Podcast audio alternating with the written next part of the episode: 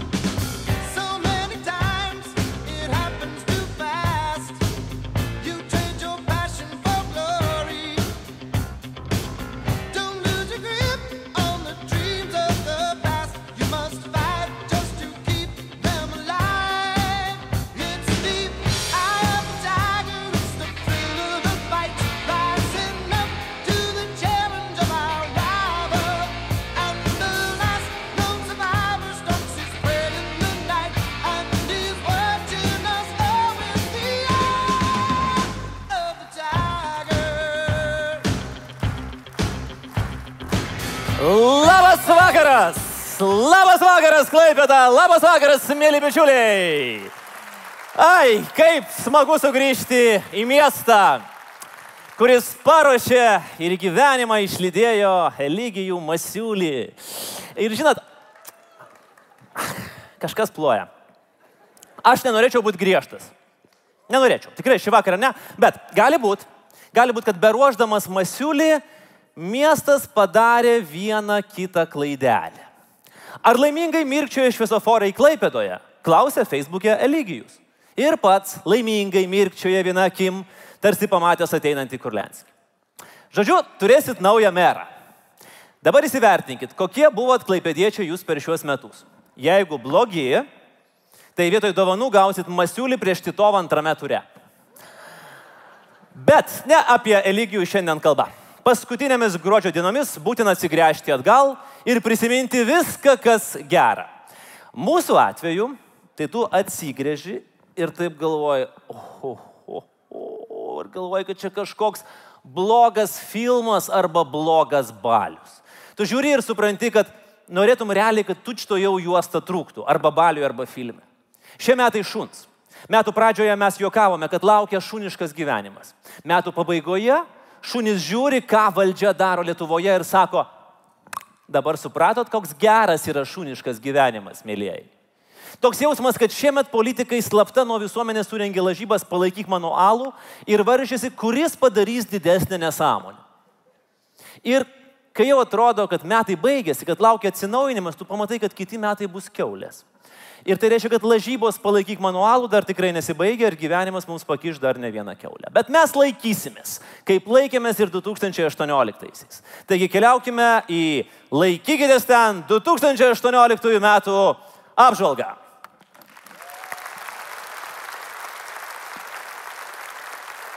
Sausis. Prasidėjo smagiai. Išskyrus tuos, kuriems daugiau nei 18, bet mažiau negu 20.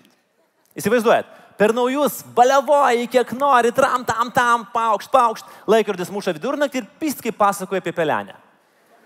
Sidras pavirdo į smidrą, starka į tarką, o normalus pilnametis visuomenės narys į pienburnį. ir valstiečiai mums įrodė, kad dainos žodžiai laiko nesustabdyti ir nesuksi atgal neatitinka realybės ir turi būti uždrausti. Bet gal į gerą, pagalvojom mes. Valdžia mumis pasirūpins. Valdžia minus vienas. Sausi žmogus beveik paveržęs iš gražulio britkiausio Seimo nario titulą, Kestutis Pūkas padėjo skersą mandatą ir išėjo iš Seimo. Ir čia jau negali sakyti, kad yra kaip pasakoja apie pelenę. Ne, ne dėl to, kad Pūkas siekia neužmauti, o numauti merginų kurpaitės. Ir jeigu atvirai, tai ne kurpaitės. O dėl to, kad Pūkas kaip buvo moliūgas, taip ir po vidurnakčio liko moliūgas. Vietoje jo valdyti mūsų visų atėjo į Seimą Onutė Valiukevičiūtė. Įsivaizduojate, kokia bausmė, kokia kančia pūkui. Seimas tave iškeičia į bobą. Ir taip Onutė Valiukevičiūtė netyčia tapo vienu iš Lietuvos feminizmo simbolių. Bet feminizmas pasakė ačiū, bet gal ne. Ir štai dėl ko. O dabar jau viskas ir nėra padangin kyla sakalai. Sausi, perekupai iš Vokietijos į Lietuvą toliau vežė gerus daiktus. Mažylis atvežė aktą. Geras, mažai naudotas, vienas šeimininkas. Ir žinot ką, tas kelias dienas mes visi nuoširdžiai džiaugiamės ir buvome vieningų. Bet mažylio atveju nėra to gero, kas neišeitų į konservatorių sąrašo pirmą numerį rinkimuose į Europarlamentą. O Lietuva pagaliau tapo sausi veislinė su dokumentais. Ir kai politikai norės mus pardavinėti, jie tikrai gaus daugiau. Sausį mes pirmas iki pamatėm Vilniaus G-Spot reklamą, kuri vasaros pabaigoje tapo nemenkų širšių lizdų visoje Lietuvoje. Ypač nuo pradžių buvo nepatenkintas Zuokas, kuris norėjo uždrausti G taško reklamą. Zuoką galima suprasti. Žiūrėkit. Žmonės žiūri į reklamą, į Zuoką. Į reklamą, į Zuoką. Ir tada sako, vagie, taškas. Va, G taškas.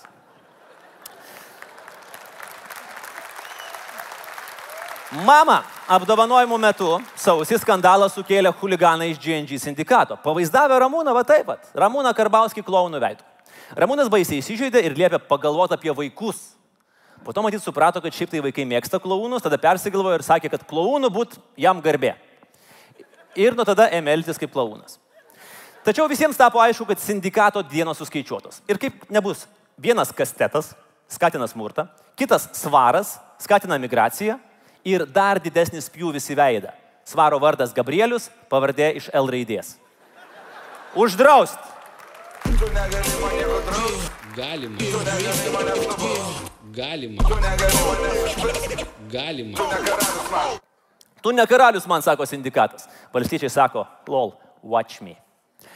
Kalbant apie vaikus. Sausį po grindjuostę palindo švelnusis ministras Kukuraitis, parengęs dramatišką fotosesiją su artistiniu priklaupimu prie Matuko kapo.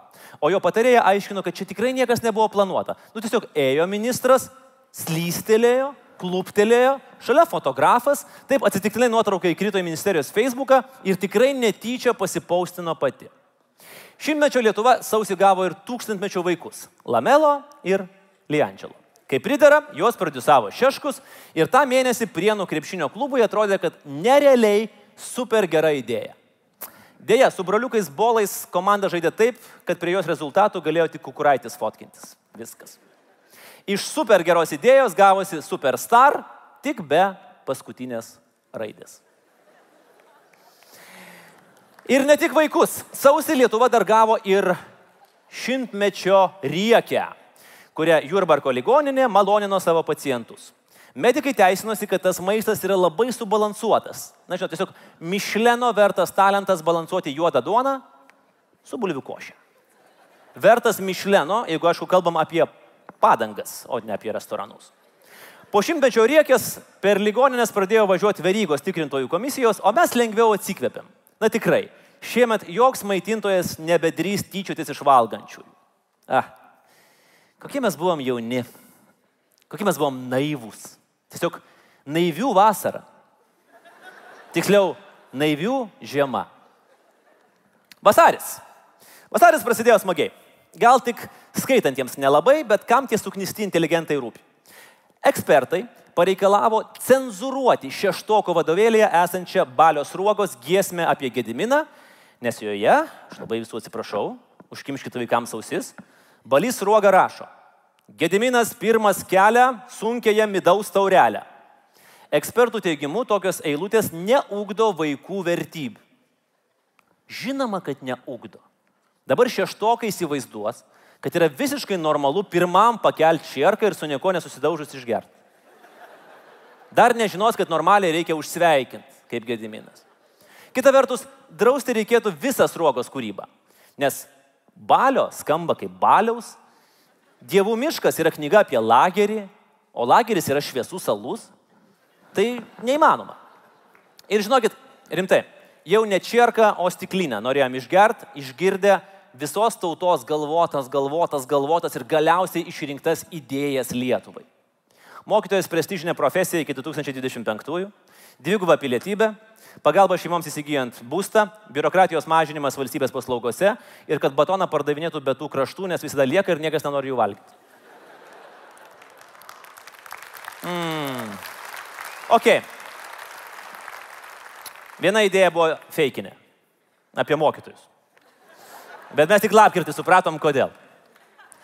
Vasarį mes draugiškai visi pasimokėm geometrijos. Iki tol mes visi žinojom Bermudų trikampį, Pitagoro statų trikampį, na, šustresni dar žinojom meilės trikampį, o vasarį sužinojom režisieriaus Vaitkaus ir jaunų aktorių trikampėlius. Buvęs VRK narys, teisės profesorius Justinas Žilinskas taip dėl to susijaudino, dėl to trikampėlio, kad netgi improvizuodamas laikytės ten laidoje sukūrė jam dainą. Tu išgerk taurę vyno, kaski sūrio gabalėlį. Jau, jaučiu, prie kur einam. Ir kol rusas dar nežino, rodyk, rodyk trikampėlį. Rodyk, rodyk trikampėlį. Rodyk, rodyk trikampėlį. Vasarį parlamentas neteko dar vieno nario. Jaunasis konservatorius Tadas Langaitis nusprendė, kad jam nusibodo vesti laidą Langaitis į Seimą, kad jis negali taikstyti su valstiečių savivalė ir padėjo mandatą. Apie konservatorių jaunimą politikoje svaigusio Gabrieliaus veidas atrodė taip, tarsi būtų sužinojęs, kad senelis įsėdo į Pakso lėktuvą ir abu nuskrido rytų kryptimi. O mes čia turim tokį karstelį. Jis vadinasi atsinaujinančių ir atsijauninančių konservatorių karstelis ir mes šį vakarą įdedam į jį pirmąjį mūsų prelegentą. Bus dar ir daugiau. Smulkiai niekšybė mūsų jaunė demokratija iškirdęs langaitis teisinosi Seime nemiegojęs ir kaip robotukas Facebook'e visiems atsakinėjo, tikintis, kad dar nudžiugins prasmingais darbais. Ir išėjo kelti blokčiainų ir kriptovaliutų verslą. Ta diena bitkoinas kainavo 12 tūkstančių dolerių. Šiandien 3200. Ah, išdykusios tos kriptovaliutos. Tai kyla, tai krenta ne bitkoinai, o bitkoinai. Vasarį amerikiečiai pagaliau suėmė mūsų violetinę tetą ir Lukiškėse jau buvo pradėti ruošti plakatai Sveika atvykus Neringa Venskienė. Bet ekstradicija užsitempė, tapo labiau tradicija, nes metų galas, o buvusios garliavos širdžių karalienės Lietuvoje dar nematyti. Ir žinot, sovietmečių mes visi svajojom turėti tetą Amerikoje. Dabar turim. Ir nieko gero. Kita karalienė, plačiai žinoma siaurose sluoksniuose dainininkė Goda Alyjeva, vasarį išsprogdino internetus, kai į TV3 rytinę laidą vaikams atėjo tikrai pasiruošusi. Queen of fucking everything. Ir kai auklytės darželėje klaus mergaičių, kuo jos nori būti, atsakymas jau yra paruoštas. Queen of fucking everything. Ir šiaip, Goda, nesusireišmink, mes estradoje turim tik vieną karalienę - Jordaną. Vasarį baigėsi ir olimpinės žaidynės Pjongčiangė Korejoje. Mums, kaip visada, pritrūko, nu, va tiek. Va, literaliai va tiek iki aukso. Bet vis tiek, geriau negu Rusija, kuri net ir nedalyvaudama vis tiek užlėkė ant dopingo. Bobslėjininkė Nadežda Sergejeva pozavo su mėgstiniu, aš nevartoju dopingo. Spėkit, ką parodė jos mėginys. Čia yra tas pats, jeigu būtų Karbauskis su užrašu ant mėgstinio, aš sąžiningai pildau deklaracijas. Skvernelis su mėgstiniu gerbiu žiniasklaidą ir mokytojus. Grybauskaitė su mėgstiniu tulpės saks. Ir tik Agnės Širinskinės mėgstinis būtų be jokios ironijos. Queen of fucking everything. Olimpinėse žaidynėse mes pasirodėm geriau ir už trumpiausiai greitojo čiuožimo distancijoje išsilaikiusi Lenką Artūrą Nogalą, kuris tapo sensacija.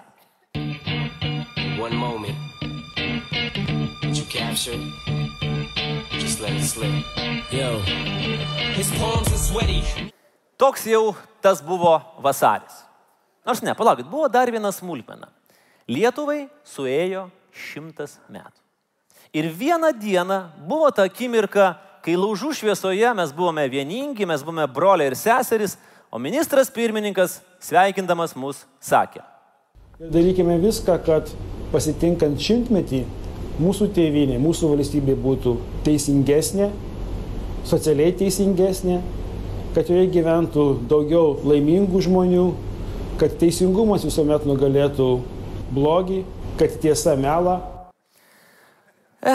Saulis dar nežinojo, kad praeis vos dešimt mėnesių ir teisingumo ir tiesos pristiks jam pačiam, o šalis atsidurs ant perversmo slengščio. Bet tada liepsnojo laužai, žiema artėjo prie galo ir mes kėlėm galvas kaip tie žemkenčiai. Ir taip naiviai tikėjomės, kad trumpiausią mėnesį ir nesąmonių bus mažiausiai. Laikykitės ten, kiekvienam metų laikui skiria po apdovanojimą. Be abejo, susijusi su mūsų valdžia ir jos simboliais, nes mes visi žinome, nuo ko yra valdžia. Aš laik, e, pasiskau už krikščioniškas vertybės ir laikausi tos nuomonės, kad valdžios kritikuoti negalima.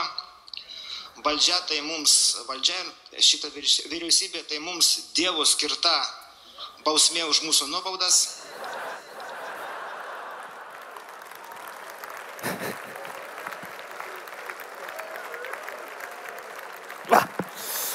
Ne, apie valdžią mes Dieve gink blogo žodžio nesakom. Todėl pirmąjį apdovanojimą kviečiu paskelbti ypatingą šio vakaro svečią - visako pirmininką. Arūną Valinską.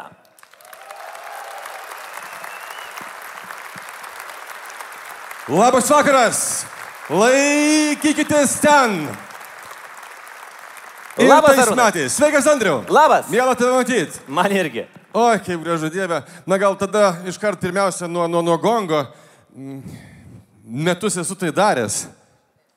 Oi, kaip miela. O, iš tiesų, o, labai labai atsakinga nominacija. E, Bronzinis žemkentys. Na, galbūt reikėtų sakyti šiek tiek kitaip. Jis ne tik bronzinis, kiek žalesis buvęs pagal uniformą ir pagal frakciją, kuri dabar yra taip pat žalesis. Ir pagal suvokimą, kuo toliau, tuo labiau matom, kad labai jau vietomis žalias. Todėl dėmesio. Nominacija už aukštą politinę kultūrą atitenka ministrui pirmininkui Sauliui Skverneliui. Bronzinis žemkentys ir mes tą nominaciją jam jau įteikėme. Dėmesio į ekranus. Sninga, sninga, sninga. A, a. Sveiki, su jumis ir vėl Sigutė. Man yra patikėta didžiulė garbė įteikti apdovanojimus laikykitės ten 2018 metų laureatams. Ir štai čia dabar esu prie Lietuvos Respublikos vyriausybės, kur mūsų gerbiamam ministrui Sauliui Skverneliui įteiksime štai šį apdovanojimą e, bronzinį žiemkentį. Ir tai yra kaip grūdinė kultūra už aukštą politinę kultūrą. Tai, vat, labai jaudinuosi pirmą kartą, labai ime.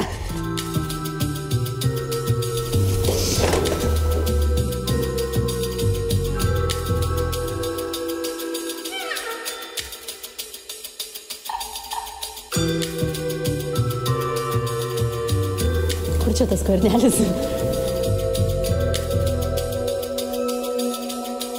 Čia mūgė bus, ar ne? Čia aš turiu tokį apdovanojimą skverneliui, tai Gal kokį maišelį?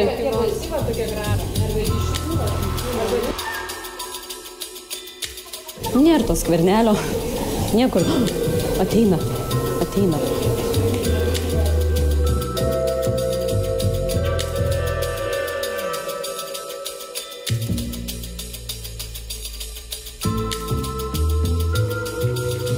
Nenorėjo jis to mūsų apdovanojimo, tai nieko tokio, įteiksim apsaugai darbuotojams.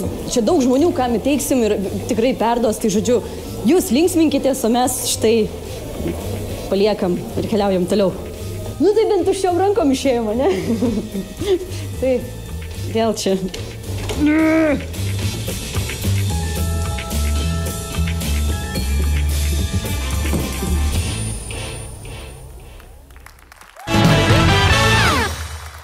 Justinai, buvo kas, kokia situacija, žmogus ar dar kažkas, kai norėjosi kažką pasiūsti ant trijų raičių šiemet? Tai ir pasiunčiau. A ne? Taip. Ką pasiunti? O, e, Ką? nu, ten tokį vieną. Ką tokį? A, Žodžiu, visą laimę, kad e, dabar, kai jisai yra paduotas į teismą, aš jau nebevedu kitokių pasikalbėjimų. Tai ačiū labai. Ai, teisingai, kai tave išmetė iš kitokių pasikalbėjimų. Išmetė, išmetė. Išspyrė. Išspyrė, o Jėzus, tu man. Na ir kaip? Iš, Nu, tai... Kaip jausmas, kai išmeta? A, puikus. Ai, beje, Klaipėda, sveikinu su būsimu naujų meru. Fantastika. Aš labai sergu už poną Masiulį, nes, ir čia tikras faktas, aš buvau jo visuomeninis padėjėjas Seime, kai man buvo 17 metų. Tai O, fantastika. taip, tai jau tada buvo aišku, kad jisai nedaro gerų pasirinkimų.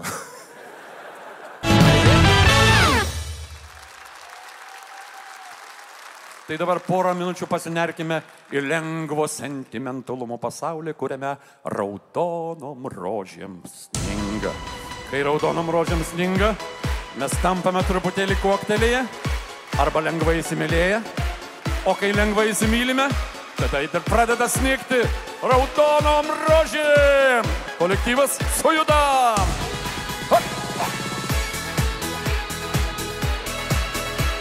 O taip.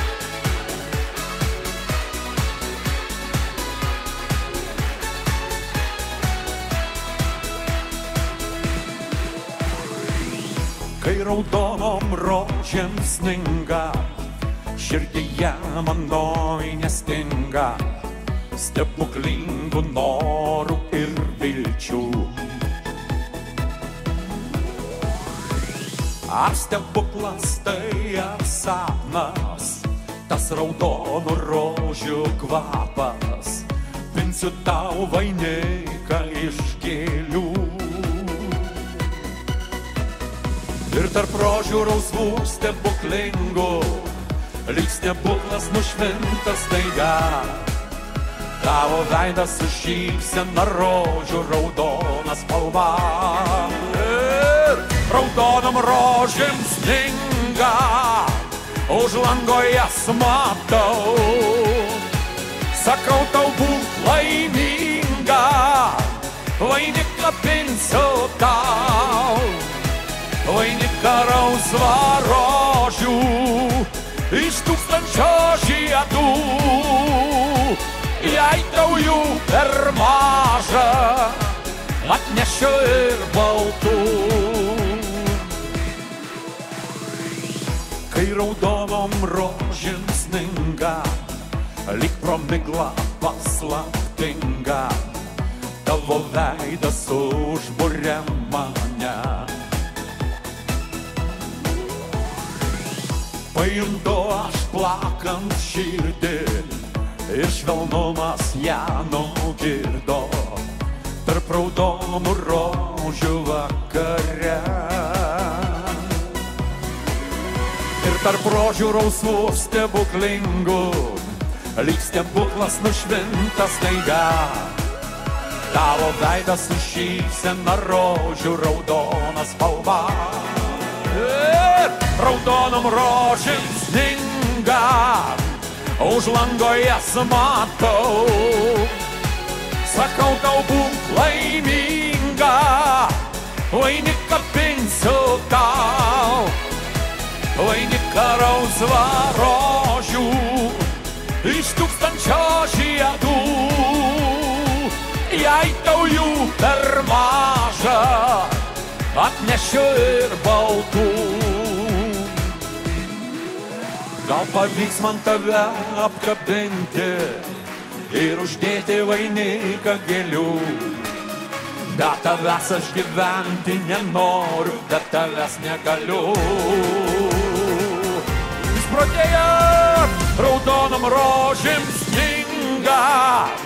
Už lango jas matau, o jeigu dar rankos į viršų visų, rankas iškėlė į viršų ritmiškai, ritmiškai sudirba, visi kartu, visi drauge, kuo garsiau, tuo geriau, o kaip daraus varožių iš tūkstančio žiedų,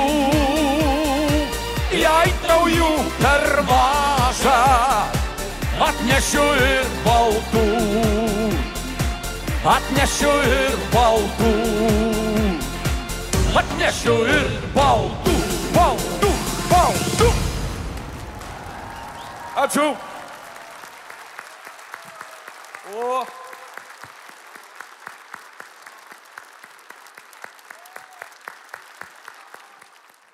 O mes keliaukim į pavasarį. Kovas prasidėjo smagiai. Gal ne visiems, bet pavyzdžiui, konstitucijos laužytojui Mindaugui Bašiui tai tikrai smagiai. Jis net nepagalvojo, kad būtent jam Salomėja Neris rašė eilutes. O mylimas pavasarį, tu vėl atjosi drąsiai, o mylimas pavasarį, manęs jau neberasi.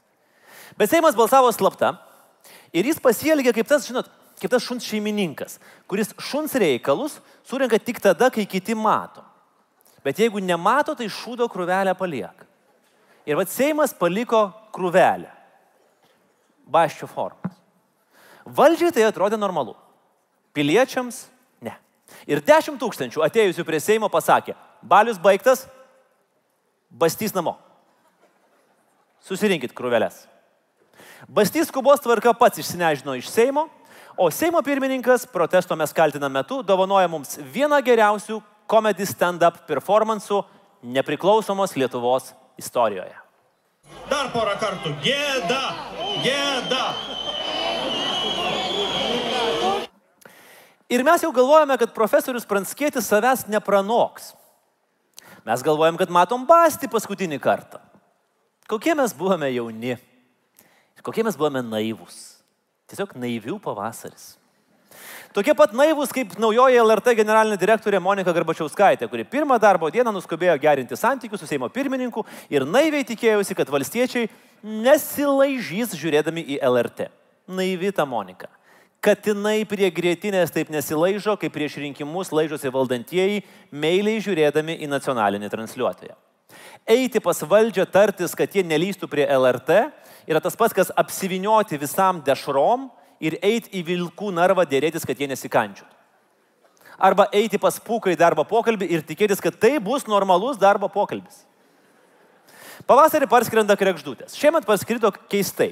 Petras Gražulis Seime įregistravo rezoliuciją dėl konservatorių partijos veiklos sustabdymo. Nurodydamas, kad konservatoriai Seimo jau yra pripažinti turintis teroristinės organizacijos požymių.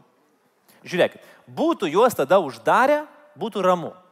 Nebūtų dabar premjerų reikėję vargti su to konservatorių ir Kremliaus sąmokslu. Bet žinot, Tevinės sąjungai priešai nereikalingi, kai jie turi tokius draugus. Kova paaiškėjo, kad Seimo narys Mykolas Majauskas savo namų kieme mėgsta ne tik himną gėdoti, prisiminkim, Lietuva tėvynė mūsų, tu didvyrių žemė.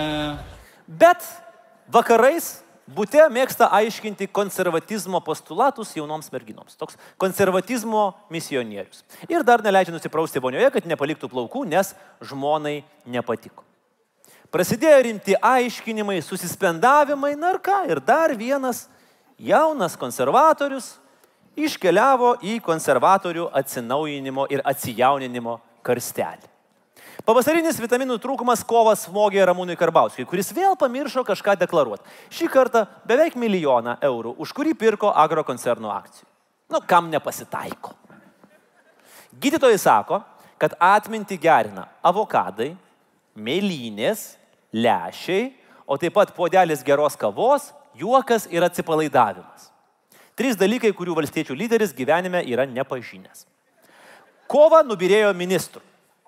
Likom be teisingumo. Na, kadangi jau senokai be teisingumo esam, tai net nepastebėjom, kai pasitraukė ministrė Vainiutė su trumpaja U, kuri įeis į istoriją kaip nesklandžiausios kalbos Seime autorė. Tai pasireiškia tuo, kad e, tokią teisę gyventi, reiškia, partnerystės įtvirtinimas, tai yra turi minti vienos, e, ne vienos lyties, bet būtent mišrios, mišri partnerystė numatoma. Tai labai aptakiai gal tiek atsakyčiau, bet be abejonės tie klausimai svarbus, ką jūs ir pabrėžėt.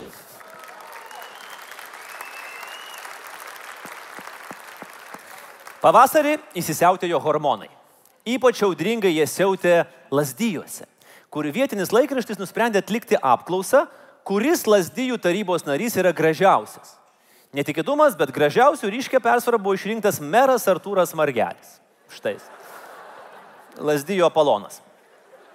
Hormonai siautėjo ir eks-socialdemokratų gretose. Grupinis Pinskaus, Pinskuvienės, Šedžiaus, Kirkilo, Gedvilo, Daukščio, Šiaulienės ir kitų nuo Palutsko atskilusių bebrynų vakarėlis vyko taip audringai ir be jokių apsisaugojimo priemonių, kad kovą pasaulį išvydo Lietuvos socialdemokratų darbo partija. Kaip sakoma, nėra to blogo, kas nesusivienytų į partiją. Partijos pirmininkas Gediminas Kirkilas sakė, kad steigiama partija yra dovana Lietuvos šimtmečiui. Ačiū už dovaną. Čekiuką tikiuosi pridedat, nes po švenčių norim atiduoti. Ir žinot, čia yra ne tas atvejis, kai iš mandagumo sakai, "Ai, nereikėjo, nereikėjo, bet vis tiek tiesi rankas į dovaną. Čia yra atvejis, kai iš tikrųjų nereikėjo. Su šita partija yra kaip su saldainiu. Gauni, išvinioji, o ten nesaldainis, o šedžiaus gabaliukas. O kaip smagiai prasidėjo balandis. Seime buvo surinkta moksleivių paroda Tiltas tarp Lietuvos ir kosmoso.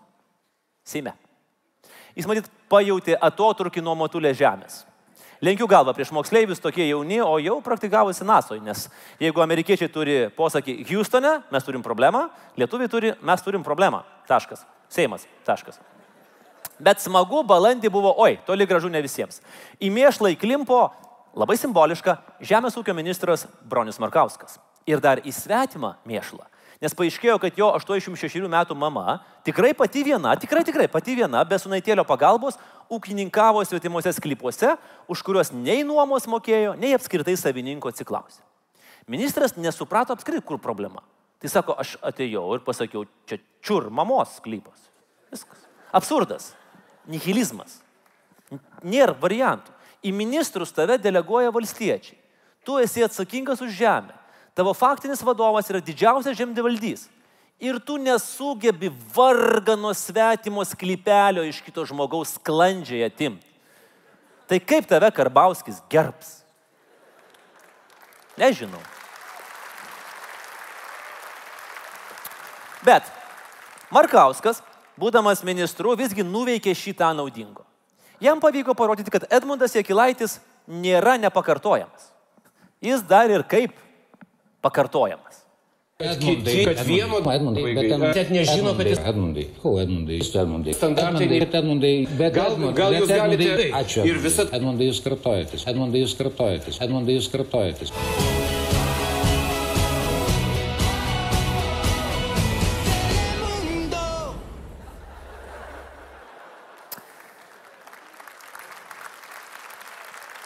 Balandį Lietuva daugiau nei pusantro mėnesio gyveno be teisingumo ministro. Premjeras aiškino, kad mažai kas nori eiti į ministrus, nes atlyginimas mažas ir šiaip sėkmingi žmonės į politiką neina.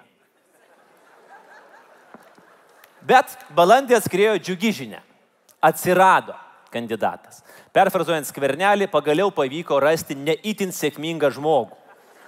Elvinas Jankievičius. Elvinas ir Burundukas. Šimtmečio naujienos. Balandį įvyko šimtmečio grįžimas. Grįžo Viktoras. Ne, ne iš savo kosminės orbitos, kuris aiškina apie čakrų valymas ir vibracijas. Pažiūrim. Stalas, kėdė, oras, garsas, žodis, mintis, viską savo turi vibracinį dažnį. Lygos taip pat. Jeigu atėjo kažkokia bacila, virusas, virusas ir bacila taip pat turi savo vibracinį dažnį. Iš ten, kuris yra negrįžtama.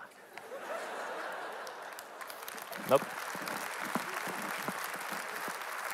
Bet Jis grįžo vadovauti darbo partijai ir pagal svarbą tai prilygtų naujienai, kad atsikūrė grupė Žentai, Giedrius Gustas grįžta į Žalgirį, Kliošai į Madą, Masiulis į Klaipėdą, Paksas į Realybę.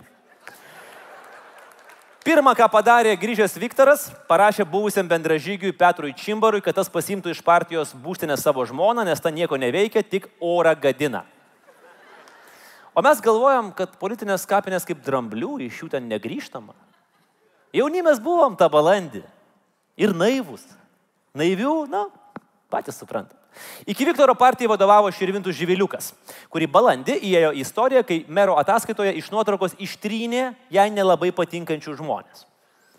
Ir mes pagalvojom, kad tai turbūt tikrai jau daugiau ištrinimų Lietuvoje nebus.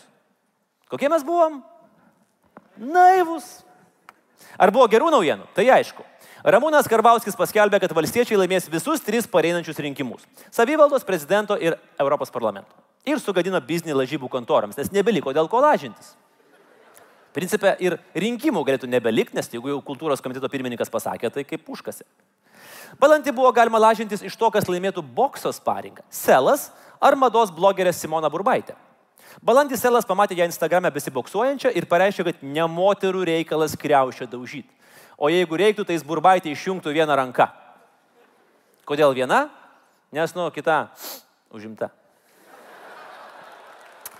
Bet aš manau, kad išjungęs Selas leistų merginai vis tiek atsigauti duše, nes nėra toks monstras kaip Majauskas. Balandį nesisekė ne tik lažybininkams, bet ir man asmeniškai. Rusijos užsienio reikalų ministerija oficialiai paskelbė mane persona non grata ir atėmė galimybę palisėti Čeliabinskė, Komsomolskė prie Amūro, Čitoje ar Saulėtame Magadane. Įsivaizduojat, kokiomis sunkiomis sąlygomis metų gale Kremliaus valdomą perversmą Lietuvoje reikės daryti, kai manęs net į Kremlių nebeįleidžia. Balandį įsibėgėjo MG Baltiko byla ir paaiškėjo, kad vienas saliginai jaunas konservatorius, Laurinas Kaščiūnas, kaip pasiuntinukas bidzeno tarp Kurlenskio, Degutienės, Kurlenskio, Degutienės, Kurlenskio, Degutienės, siūlydamas koncernui naudingas pataisas. Pagautas teisinosi, kad tuo metu dar nebuvo politikas. Tas pats, kas pagautas girtas vairuotojas, teisinosi, kad teisių dar neturi, tai kaip ir vairavimas išgerus nesiskaito. Tai į konservatorių atsijauninimo karstelį balandį buvo įkaltas dar vienas cviekelis. Šalia Langaičio ir Majausko ten atsigulė ir Kaščiūnas. Jeigu taip toliau, juos reikės guldyti vertikaliai.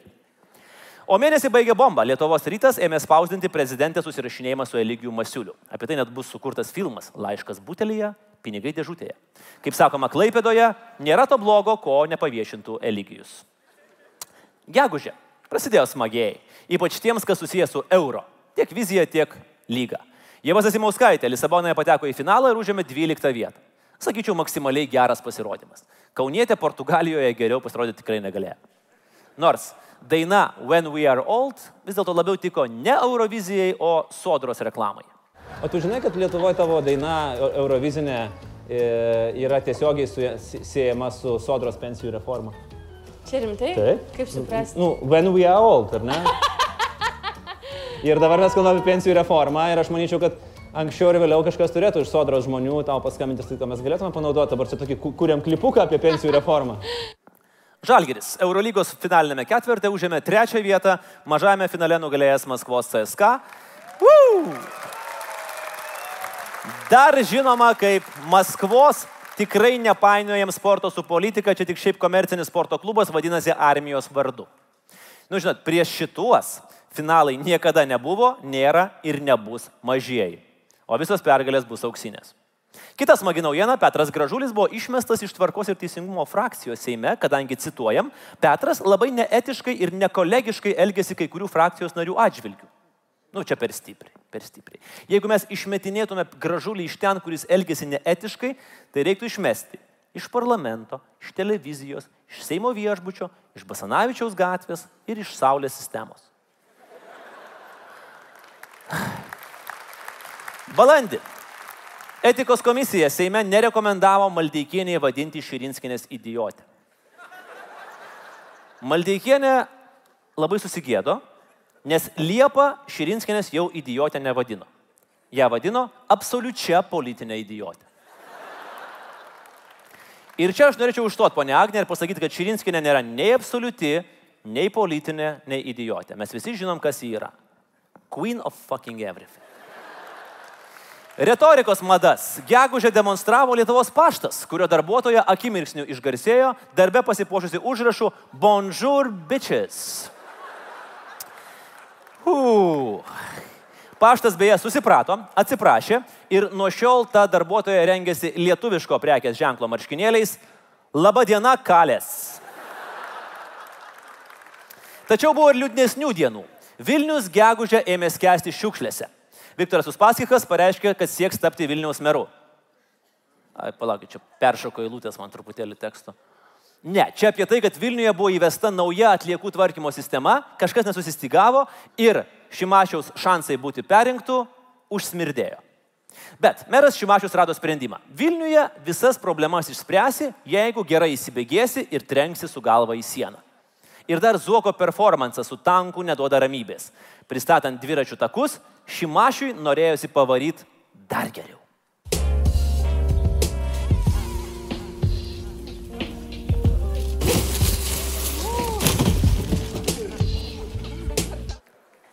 Kaladėlių siena.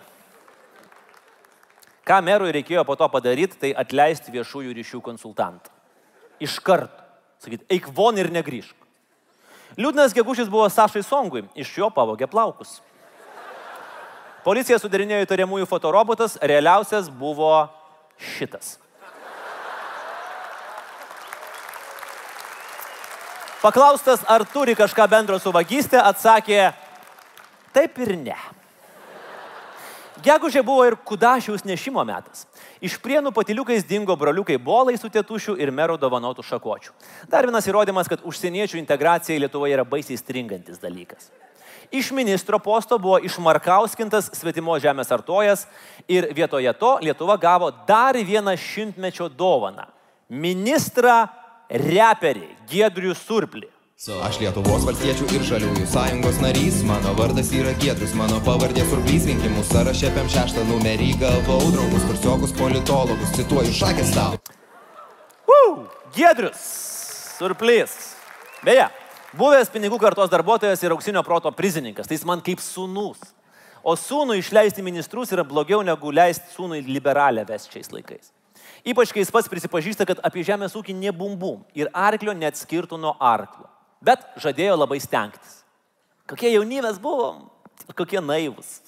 Gegužė visų gražumų žydėjo tulpės ir neburbiško dvare. Prezidentinės. Buvo nutekinti prezidentės susirašinėjimai su Eligijumi Masiuliu iš elektroninio pašto tulpės eta lrvk.lt.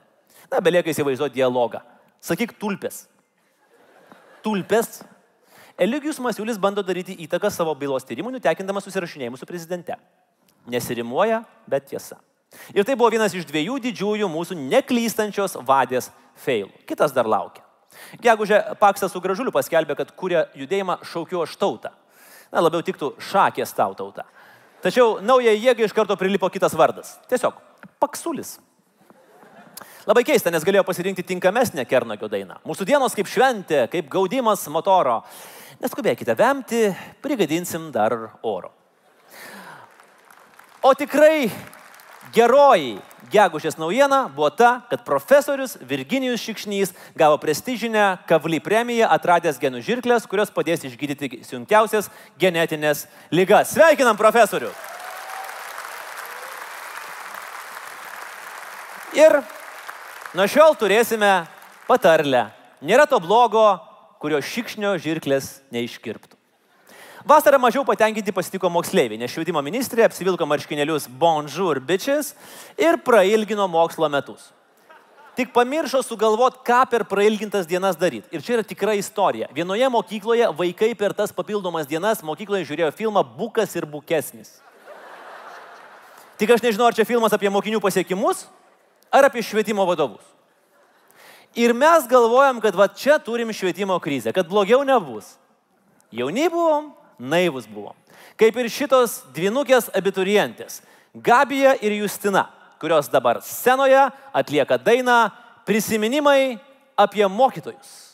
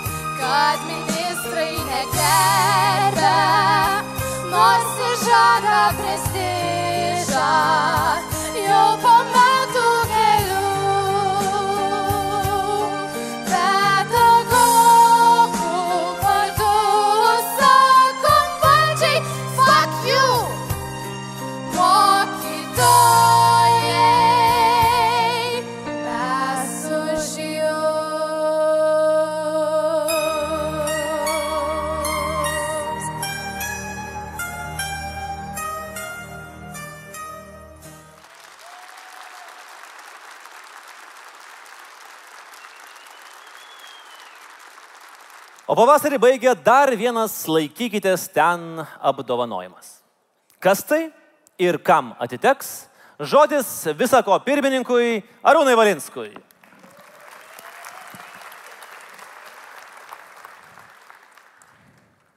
Sakyčiau, mielas kolega, bet po bairio su plaukais nepažįstu aš tavęs daugiau ir pažįst nenoriu. Atsiprašau. Vėlu, vėlu. Svarbiausia, normaliai pasakytum kažką, o čia į pačią skaudžiausią vietą hipis atsirado. Na gerai, pavasarį iš tiesų grįžta mūsų nacionalinis paukštis visais būreis, gandrai. Mes turime ir kino apdovanojimus, tai yra sidabrinės gervės. Ir mes nusprendėme, kad politikams kaip tik pats geriausias už politinį kiną apdovanojimas bus mm, sidabrinis gandras. Ir ši nominacija atitenka geriausią politinį kiną sukūrusiam vlogeriui, buvusiam merui Artūrui Zokui. Pažiūrėkite, kaip išradingai jis prieėmė apdovanojimą iš mūsų spetskorespondentės Sigutės rankų. Dėmesio, Artūras Zokas.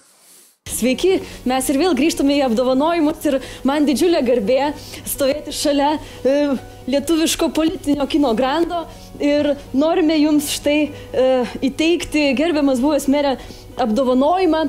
Sidabrinį gandrą, iš tikrųjų nėra labai sidabrinis, bet širdį sidabrinis už nuopelnus politiniam kinui. Štai, ačiū.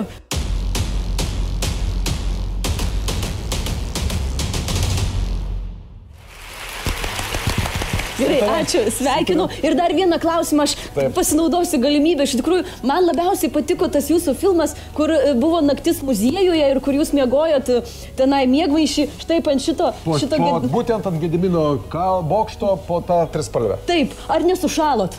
Ne, tai mėgmaišis buvo labai geras. Jis e, atlaiko poliarinis. prie... prie Jo, ne. be problemų. ir, ir norėjau paklausti dar, ar nebijojot, kad uh, nuslinks kalnas, kai gu- gulėjot? Ne, nebijojau, kalnas buvo tvirtas, aš tik bijojau vieno, kad vėjas nenupūstų, nes buvo vėjas didelis.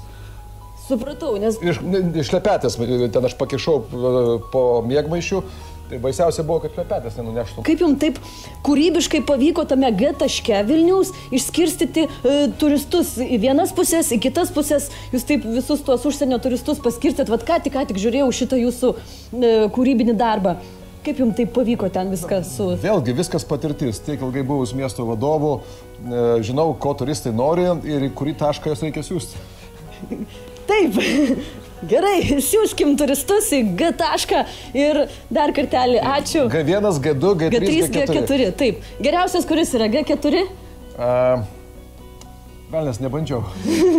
Ačiū Jums dar kartelį, dėkoju ir linkiu ilgai, ilgai kurti šį nuostabų politinės ir komedijas, ir dramas, ir tragedijas, ir... Mielai. Ir ačiū už įvertinimą. Dėkui e, Andriui, dėkui mamai, dėkui draugams, dėkui rinkėjams. E, Ir aišku, gerų metų. Bubumkai, parveina. Panašu, kad rašėt vakare. Kaip Eligijus Masiulis naktį rašo. Bubumkai. Bubumkai parveina. Esat sakius dar irgi, kad negalima užmigti ant laurų, dirbant. O yra tekę užmigti ant laurų? Ne, aš čia iš tų tokių frazių, kur savo kaip mantrą kartoju. Mm. Neužmig. laurų. Nes gali nutikti. Gali. Kas? Bubumkai. Labas valstiečių rytas, bubumkai ir okei. Nu, bet tada komentuotumėt, pavyzdžiui, tiesioginės transliacijos būtų derliaus nuėmimo šventė. Sėja. Sėja, naisiuose. Ir 14 valandų tiesioginė transliacija. Jūs tik, tikrai tą pjūtis.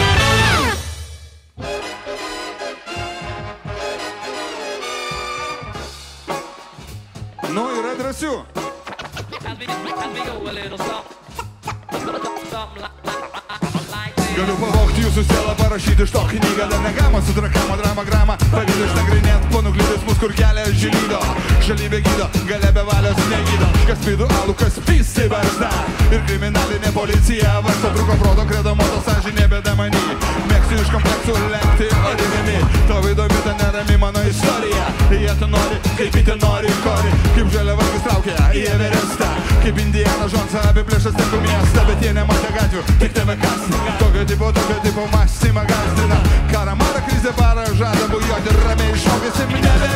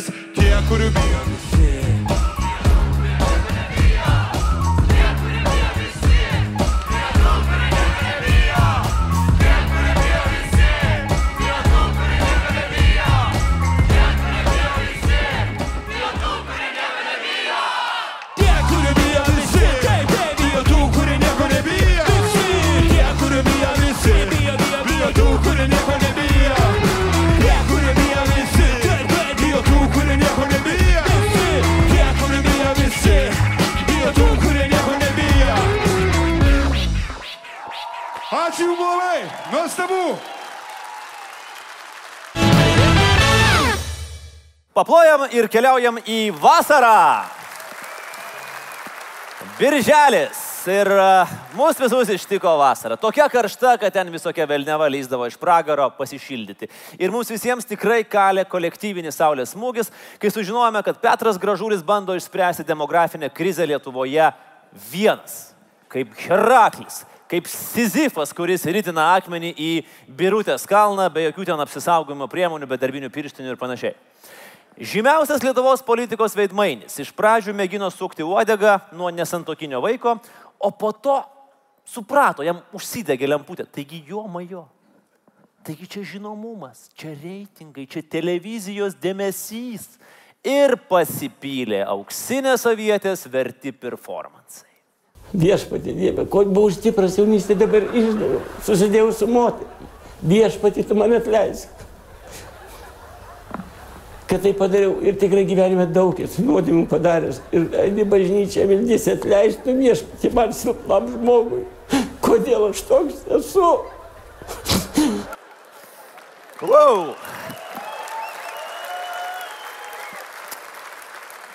Birželį pasipildė ir e, ne tik jaunų, bet ir buvusių konservatorių karstelis. Į jį atsigulė iš partijos e, pašalintas Mantas Adomėnas, cituojant priežiūros komitetą, dėl to, kad jis tenkino MG Baltic koncerną.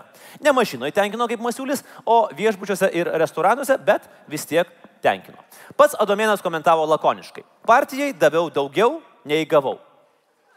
Nuo šitų erotinių potekščių tikrai gali perkeisti galvą.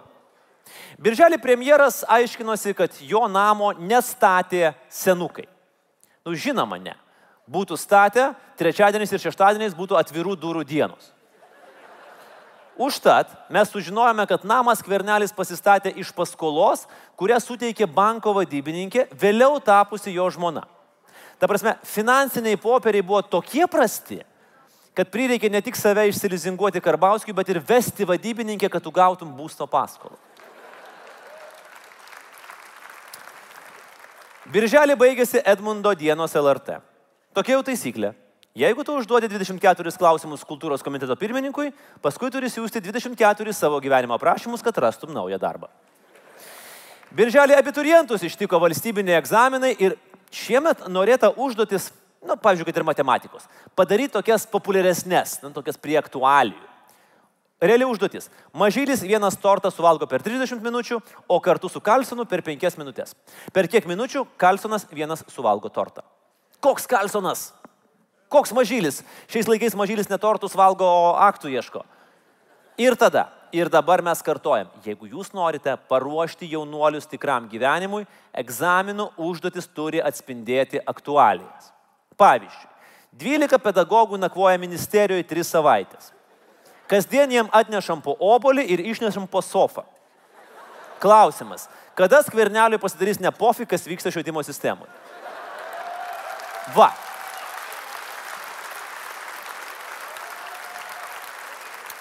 Arba pavyzdžiui, Petriuką tėtis muša ne poriniam savaitės dienom per užpakalį, o Jonuką mama poriniam savaitės dienom per ausis. Pagal daktaro Puidoko formulę nustatykite, kuris mušimas proporcingas, o kuris ne. Gabrielius nuėjo pietauti su Kurlenskiu. Gabrielius užsisakė valstietišką kepsnį su krauju už 29 eurus, Raimondas Kurlenskis 106 gramus balto viniuko ir parašė 3 žinutės Dabkui. Užduotis, ar Gabrieliui buvo malonu? Ir kas už viską sumokėjo? Atsakymas nežinia, nes sąskaitą pasimė STT. Va taip reikia ruošti gimnazistus gyvenimui.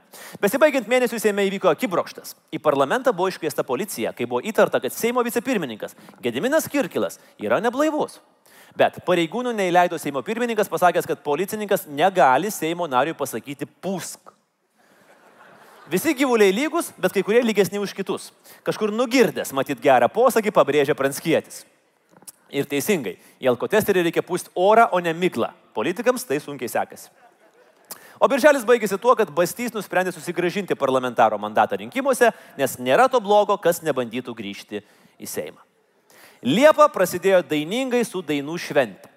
Ir mes turėjom būti vieningi, traukdami Lietuvą brangi. Bet susivienijome plūsdami šventės dalyvių maitintojus. Nes taip Lietuvoje yra. Nesvarbu kokia šventė. Ar tėtos Aldonos gimtadienis, ar dėdės prano auksinės vestuvės, ar čia turnedėlis, ar šimtmečio dainų šventė, svarbiausia maistas. Ir teisybės dėlė reikia pasakyti, kad viskas su tuo maistu dainų šventėje buvo gerai.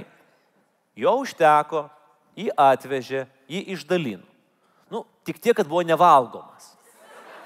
Bet daugiau jokių trūkumų neturėjo. Na ir dalyviams būtų tekę ko gero valgyti mikrofonus, jeigu nesusivienijęs Lietuvos verslas, kuris juos pagaliau pamaitino. Užtat kalėjimo maistu Liepą pradėjo mėgautis alfapatinas Airinas Arutinianas. Vaikinukas baigė savo moterų viliojimo karjerą, kai jį apsimetantį fotografu sulaikė policija ir apkaltino merginų žaginimu. Laiškuose iš areštinės Airinas skundėsi, kad kameroje jau nebeuždominuoja. Gruodžio vidurys, beje, jis vėl laisvėje, tad jeigu laukite Airino mokymų, netrukus jie turėtų būti pratesti. Liepą išaiškėjo naujai pasaulio futbolo čempionai, jais tapo prancūzai. Na, mums taip atrodė. Bet įsižiūrėjus į nuotraukas, atidžiau iškart matyti, kas čia tikrasis čempionas. Tas, kuris išlipa sausas iš bet kurios balos. Kol kas. Vilniuje Liepą startavo Yandex taksi, pigias pavėžėjimo paslaugas teikianti bendrovė. Ir iš karto sulaukė kritikos dėl duomenų saugumo ir jų siuntimo Rusijos spets tarnyboms. Bendrovės atstovai ramino vartotojus. Sako, duomenys reikalingi viso labo, kad programėlė kokybiškai veiktų ir kad okupacijos atveju tankai nepakliūtų į Vilniaus kamščius. Viskas, du dalykai. Liepa horoskopas perėjo į liūtą ir Seimo liūtas Justas Džiugelis įsidrasino ir išvadino savo partijos vadovą Ramūną Karbauskį patologiniu melagiu. Ramūnas į tai sureagavo santūriai ir situacijos neskalavo. Bet kitą dieną atvykęs į darbą, Justas neįgaliųjų vietoje rado paliktą kombainą. Gali būti, kad pirmą kartą kombainą pamatė ir Žemės ūkio ministras Gedrius Surplys, kurį sausra išginė į gatves ir su ministerijos darbuotojais jis kvietė lietų, šokdamas lailyn, lailyn, lailyn lietus. Lietuva, tėvynė mano, brangioji mano, mylimoji, tavo ministras realiai išvedė darbuotojus šokti į gatvę ir kviesti lietų. Jeigu jie ir juoksis, jie juoksis iš savęs, nes jūs esate visiškai teisus. Ir tai reiškia, kad jūs iškovojate pergalę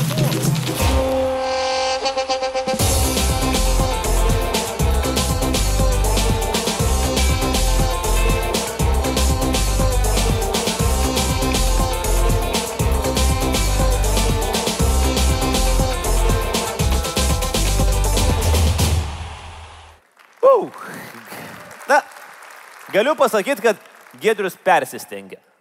Po savaitės taip pliūptelėjo, kad Vilnius virto Vilnecija ir po geležinio Vilko gatvę pradėjo plaukioti baidarės. Beje, vienos vokiškos markės baidarės vis tiek nerodė posūkių ir karts nuo karto kaldavo į stotelę. O mėnesio nuotrauka tapo štai ši sustabdyta akimirka valstiečių sąskrydžio metu. Susirask žmogų, kuris į tave žiūrėtų kaip Širinskinė į Karbauskį ir būsi laimingas.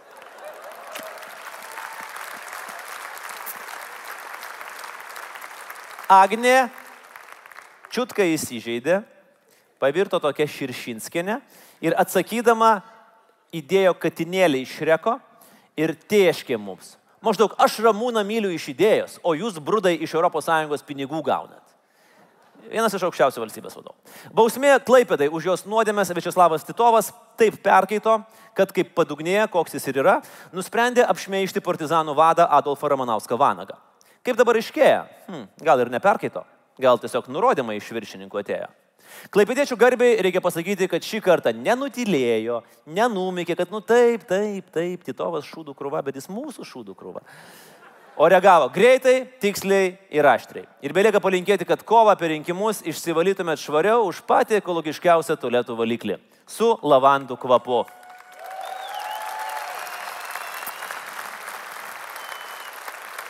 Rūpjūtis mus pasitiko užsitęsusiais karščiais ir neveltui buvo vadinamas jau penktuoju vasaros mėnesiu. Vasara buvo tokia karšta, kad net pingvinai jūros muziejuje pradėjo pardavinėti šaltą alų. Tokia karšta, kad dar šiek tiek, va tiek, ir valdžia būtų ją uždraudusi, nes negali būti laukia 40 laipsnių. Karščio banga ne tik sukėlė euforišką isteriją palankos verslininkams, bet ir iškepino valdžios galvas. Karbauskis pasiūlė stojančius į universitetus vertinti ne pagal brandos egzaminus, o gal pagal paskutinių poros metų vidurkius. Problema, kad geroj mokykloje dešimtuką gauti daug sunkiau negu prastoj mokykloje, kur dešimtukas neretai rašomas jau vien už tai, kad tu turi pratybų sąsiuvinį ir moki į jį įrašyti šios dienos datą. Vidaus reikalų ministrui Eimučiui Misiūnai vasara buvo tokia karšta, kad jis iškeitė savo automobilį į elektrinį paspirtuką ir su juo Gedimino prospekte sugebėjo 15 km per valandą viršyti greitį. Nu, tai įdomu, kokie ten vidaus reikalai eimutį tai buvo prispaudę. O kalbant apie vidaus reikalus, Raseinių savivaldybės posėdėje meras Algirdas Gricius bandė žaisti demokratiją ir beveik 7 valandas trukusio posėdžio pabaigoje iškeltą prašymą padaryti pertrauką atsakė balsavimu. Pažiūrėkime. 10 balsavo už pertrauką, 12 prieš pertrauką. Prašau. Tai tie, kurie ne už, tai už, už ką jie balsavo. Gerai, ačiū labai, turgaus tikrai užtenka šiandien.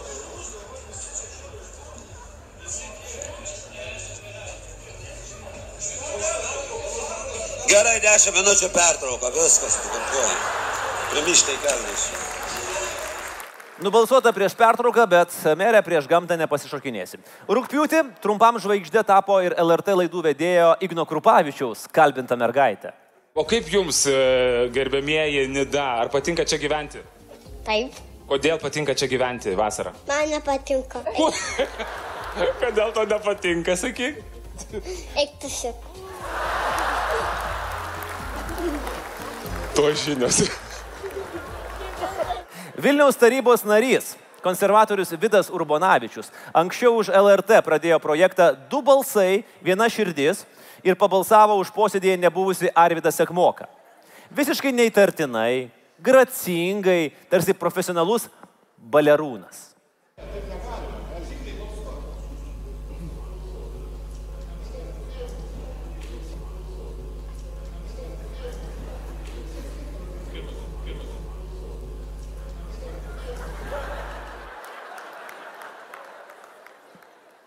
Tik fokuso esmė buvo ne Arvidas prabalsavo už Arvidą, o kaip pradanginti mandatą. Ir fokusas pavyko, mandatas dingo kartu su pačiu Vidu Urbanavičiu.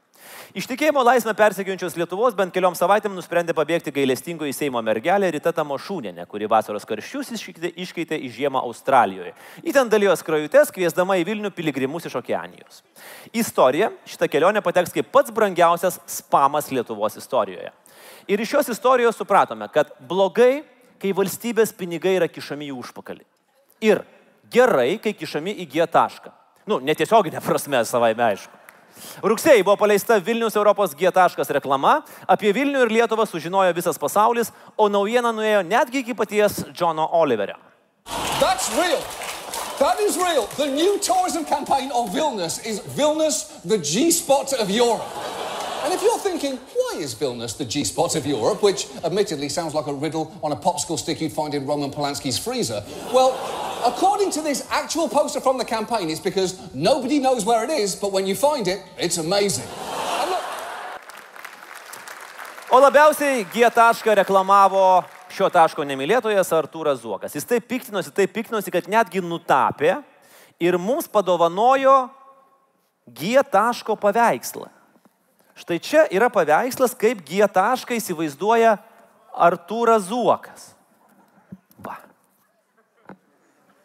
Tai, žinot, aš galvoju, kad gerai, kad Zuokas kandidatuoja į merus, o ne į gynekologus. Nes būtų liūdnesnis toks. Politinių sąskridžių prasme metai buvo nuvilintis. Bet trečiasis laisvės piknikas nenuvylė, ypač didžiojo kombinatoriaus ir grosmeisterio Ramūno Suleimano Berta Marijos Karbauskio bei Šaškių simultanas, kur Naisių Benderis žaidė 50 partijų vienu metu ir iš jų pralaimėjo tik keturias.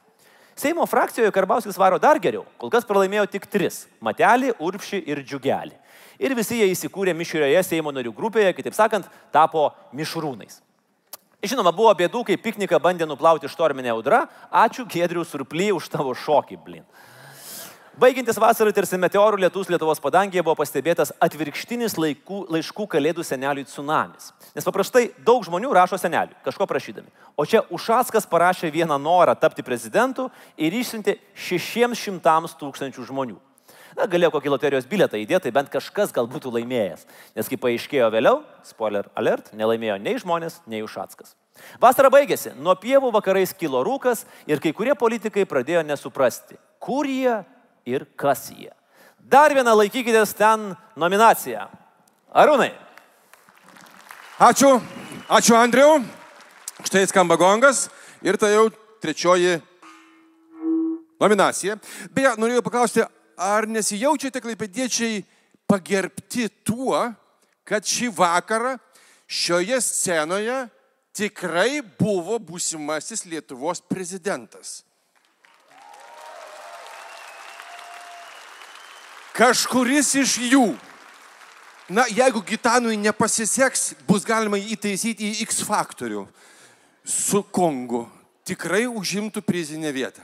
Na gerai, o dabar uh, Ežiukas rūkė, pamena tokį ne animacinį, o multiką. Toks labai keistas, labai įdomus. Ir štai, Ežiukas rūkė prizas atitenka už opozicijos lyderio paieškas ponui Gabrieliui Landsbergiui. Sveiki.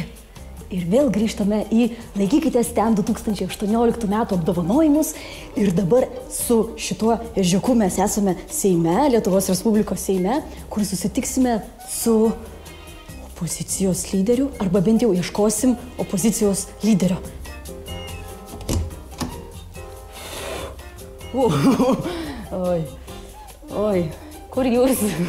O, štai, štai ir jūs, sveiki. Labą dieną, aš esu Sigutė ir, na, man yra didžiulė garbė, gerbiamas Gabrieliau, įteikti jums šį apdovanojimą. Tai yra Ežiukas Rūkė opozicijos lyderio paieškose. Sveikinu Jūs. Dar kartą aplodismentai, garsus, garsas skamba. Ačiū Jums ir, ir tą progą norėčiau paklausti štai apdovanojimas. Jūsų manimų keli ryškiausi opozicijos darbai šiais metais? Aš manau, kad vis dėlto perversmas yra ganėtinai rimta. Mažai ką rimtesnio esam padarę. Mhm. Taip iš tikrųjų pasakyti, kad na, organizavom mitingą su Tapinu kartu prieš Mhm. metus. Tai toks, kaip sakytum, pasiruošimas perversmui buvo. Na, tie rinkimai prieš tai, tai viskas, viskas nusekliai vedė iki, iki to perversmo. Aš manau, kad na, mažai yra demokratinių valstybių, kur na, opozicija iš tikrųjų yra tokia galinga, kad kartu su na, žiniasklaidos vienais tokiais ryškiausių žvaigždžių, su profesiniam sąjungom, daugiau negu 50, na, iš tikrųjų nuverstų na, policinę valstybę. Tai manau, kad to, to vis tiek čia medalis, ežiukas ir visi kiti dalykai tikrai nusipelnėm. Ačiū labai. Sunku nebuvo. Tikrai, jeigu šitas perversmas toks gal... Nu, rimtas darbas, nesakyčiau, kiek pavykęs yra, bet... Nu, Ar organizuojate dar kitokių, ar planuose yra dar kiti perversmai? Tai be abejonės, be abejonės. Tai, reiškia, sakau, aš labai tikiuosi, kad tie dūmai neįsisklaidys ir čia mūsų nesupakuos, neišveš e, dučia. Tai ir mes tikrai ties to dirbėsime ir toliau. Labai gerai, labai gerai. Ačiū Jums, dar kartelį sveikinimai ir gerų Labai. perversmų Jums kitais Ačiū labai. metais. Mes su bačiuliu esam gopšus šlikštynės. Mes nesam tokie kaip jūs. Ir e, žiūrėk, mes turim situaciją Lietuvoje, yra tas liberalusis gerąją prasme jaunimas, o kaip tu, e, Rita Miliutė, e, visa LT, visas LRT. Nu, aš nežinau, ar Rita Miliutė galima liberaliuoju jaunimu pavadinti. Liberalioji Rita- mergaitė. Liberalioji mergaitė. Tvarka.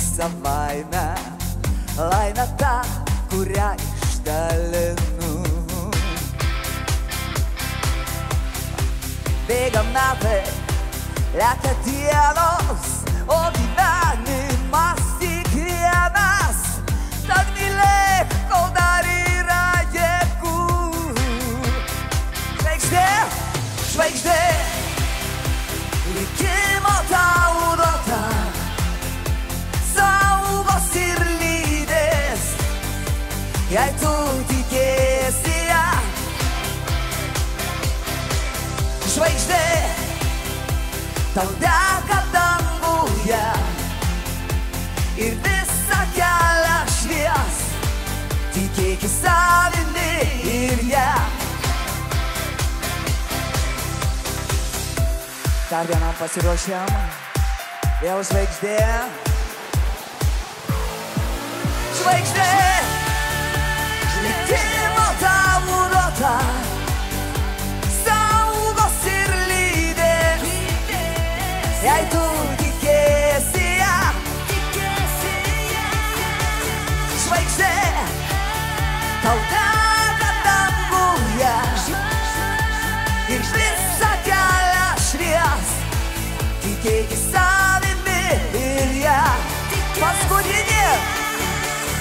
žvaigždė,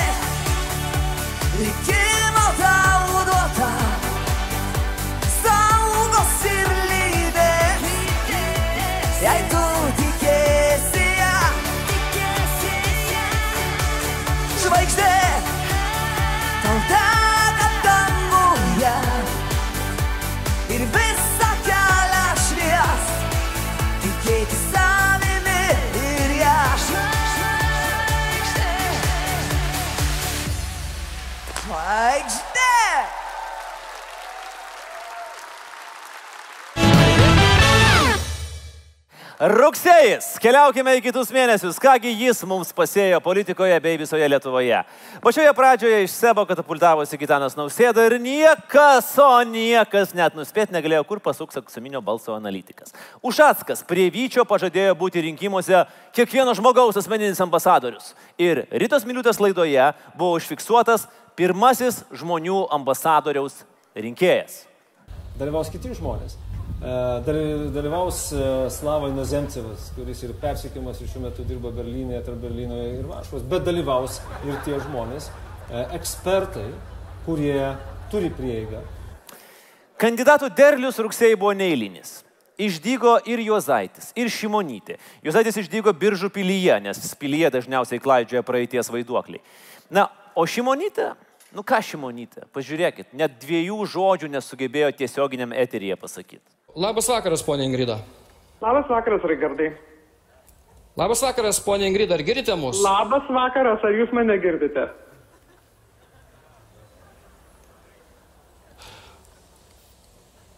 Negirdime mes Ingridos Šimonytės. E, Ar yra garsas? Labas vakaras.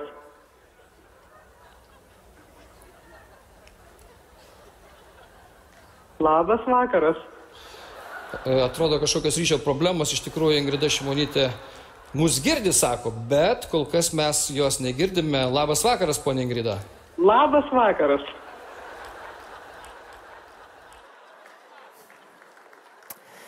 Rugsėjai išskrido gandrai, bet grįžo zombiai. Pamenat, kokie mes buvom jauni ir naivus, galvodami, kad baščio mes daugiau neišvysim. Išvydom visame gražume, kai jis grįžo kandidatuoti atgal į Seimą. Ir net ir dienraščio Liepalotų rytas objektyviam redaktoriui neišlaikė nervai per debatus. A, Jūs paminėt konstituciją, sulaužėt priesaiką, pabėgot iš Seimo, žinot kaip tokius, kaip jūs vadina Liepalotose, iš kur aš esu, jūs esat bailys, melagis ir kurva.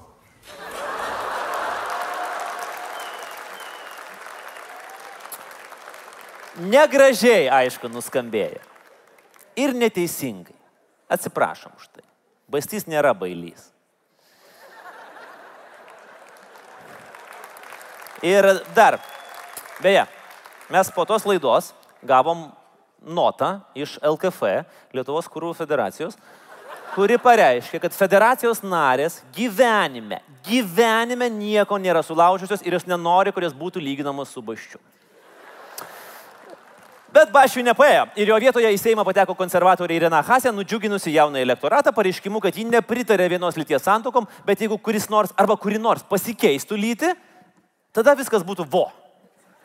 Ir vas suabejojo žmogus, ar nebus taip, kad pakeitė basti į Hasę, mes realiai lyti pakeitėm.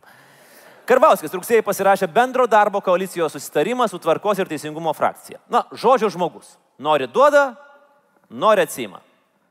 O ponia Karbauski, yra partijų, ar jūs laikotės tos pačios savo nuomonės ir šią naktį, kad yra partijų, su kuriomis jūs jokiais būdais neįsit į koaliciją? Darbo partija ir tvarkos teisingumas mes su jums tikrai neįsim jokiais atvejais su jokia koalicija. 16 metai. Kokie mes tada buvom jauni. Ir, žinot, toliau jo patys. Naivių ruduo. Kaip prieš dviejus metus, taip ir dabar. Rugsėjas buvo įsimintinas ir skverneliu. Jis Lenkijoje buvo išrinktas metų žmogumi.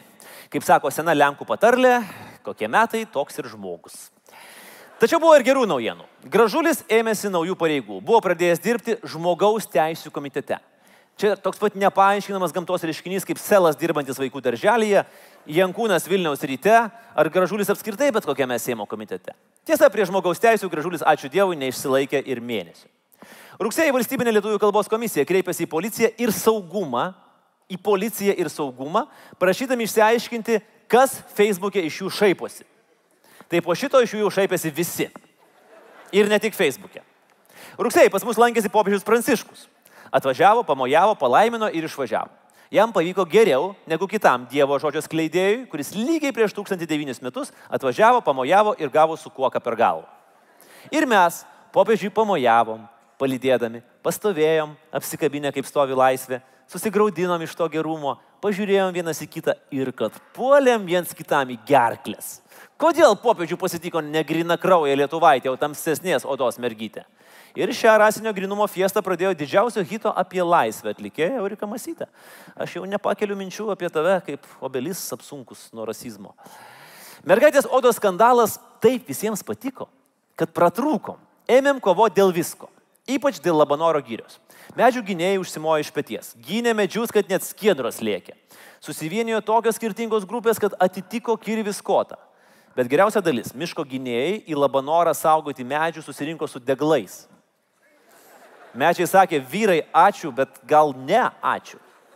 Spalis, oi, buvo itin smagus. Kandidatais faktiškai lyjo į visus įmanomus postus. Jeigu Maksimoje prieš aštuntą atsistoji į eilę, gali būti tikras, kad du trečdaliai nervingų žmonių yra kandidatai. O likė bijo nes- nespėt nusipirkti šnapso. Bet geriausia šovė didysis kandidatas, kuris dar niekur nekandidatuoja, nes yra politinis numirėlis - Rolandas Paksas. Pasiūlė gražinti litą. Lietuva Paksui pasiūlė gražinti protą. Viens prie vieno. Bet viens prie vieno gali neužtekti. Kaune spalį užvirė balaganas, kai pareigūnai iš tėvų atimė, po to gražino vaikus. O Puteikis su Puidoku pamatė gyvenimo šansą tapti svarbiais ir suformavo vaikų gelbėjimo agentūrą PUPU. Vaikai gelbėjami visą parą, bet yra papildomų sąlygų, turi būti televizijos kameros. Jūs pats esat Ne. mušęs savo vaikus? Ne, bet esu vieną kartą nuo tėvo gavęs kepštelėjimą. Bet mama jį nusivedė į kitą kambarį ir atidrožė ir daugiau tų dalykų nebuvo.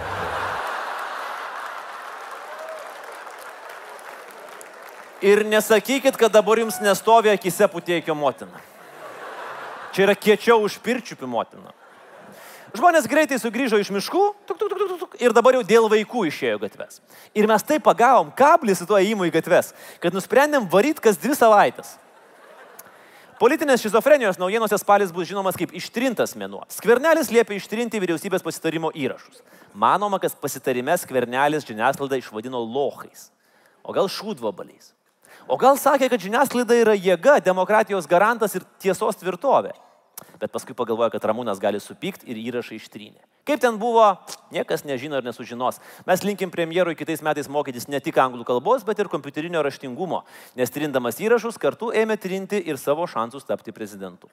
Nors su tuos prezidentų Saulium dar visai gali būti. Vieni sako eis į prezidentus, kiti sako neis. Treti sako, kad tik ne jis. Ketvirti, kas jei ne jis? Pasiruoškite švieseles savo mobiliuosiuose telefonuose ir pasitikite plojimais. Scenoje Augustė ir daina Skvernelio sprendimas. Švieselės.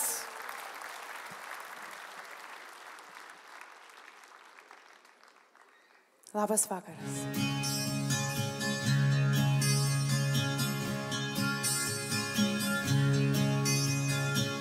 Rinkimai greit, vėl reikės balsuoti ir stengias pasą jau susieškot. Senelis. Šimonytė atėjo, nausėda dar bus. Mazuronis puteikis renka draugus. Maldeikienė užsuks ir gal Andriukaitis. O ruoškis jau tėvynę, rimti rinkimai bus. Paskambino kaimynė man vakar į namus ir klausė, ar girdėjau, kaip apsispręs kvernelis. Naują jau vadovą kantriai aš renkuos, svarstau, kuris daugiausiai valstybei duos naudos, kai per radiją girdžiu jokus kalba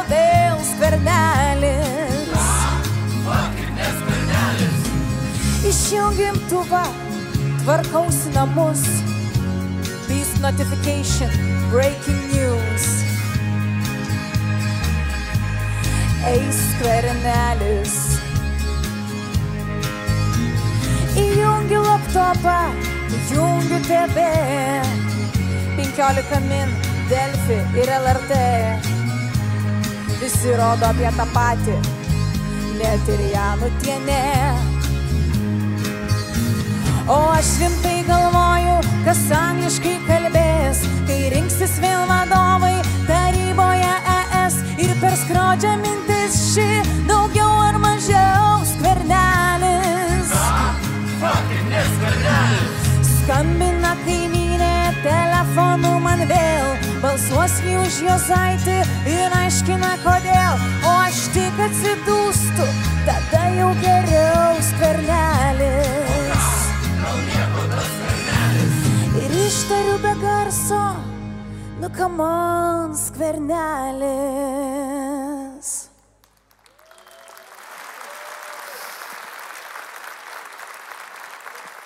O mes keliaujam toliau į spalį. Lietuvos socialdemokratų darbo partija turėjo ne prie ko gauti dotaciją iš biudžeto ir nusprendė pabalevot. Užsisakė 19 butelių vyno, bet netyčia sąskaitėlę gavo ne jie, o palusko socdemai, kurie viską paviešino. Oi.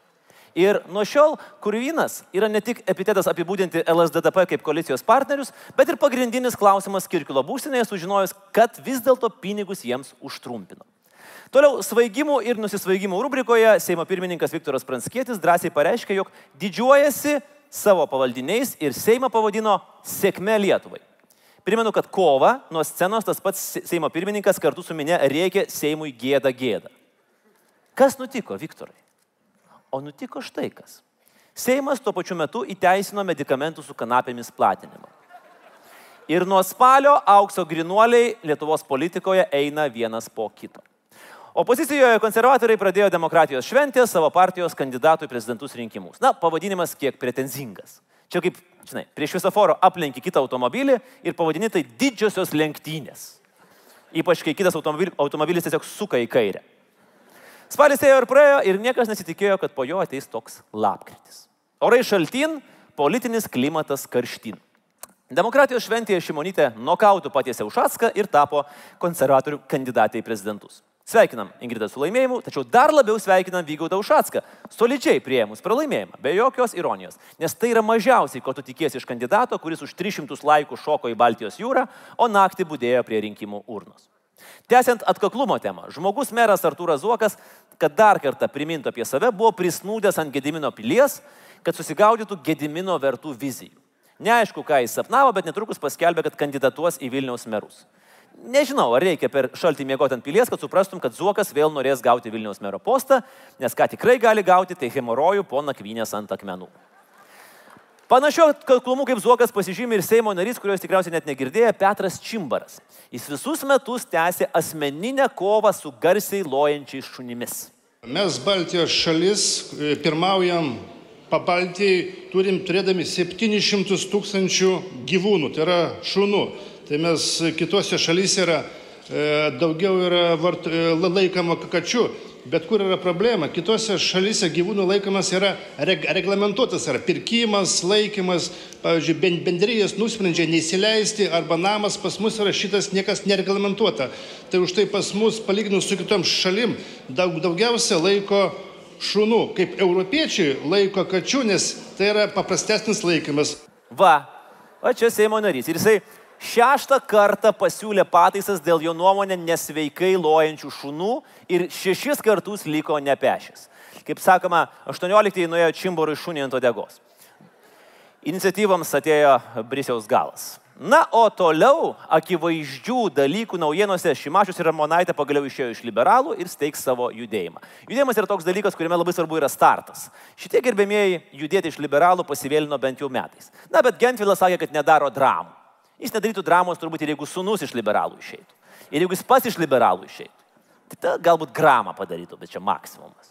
Seimo biudžeto ir finansų komiteto pirmininkas Tasys Jekeliūnas lapkritį pareiškė, kad švedų koncentracija yra per didelė, todėl būtina parduoti SEP arba Svetbanką.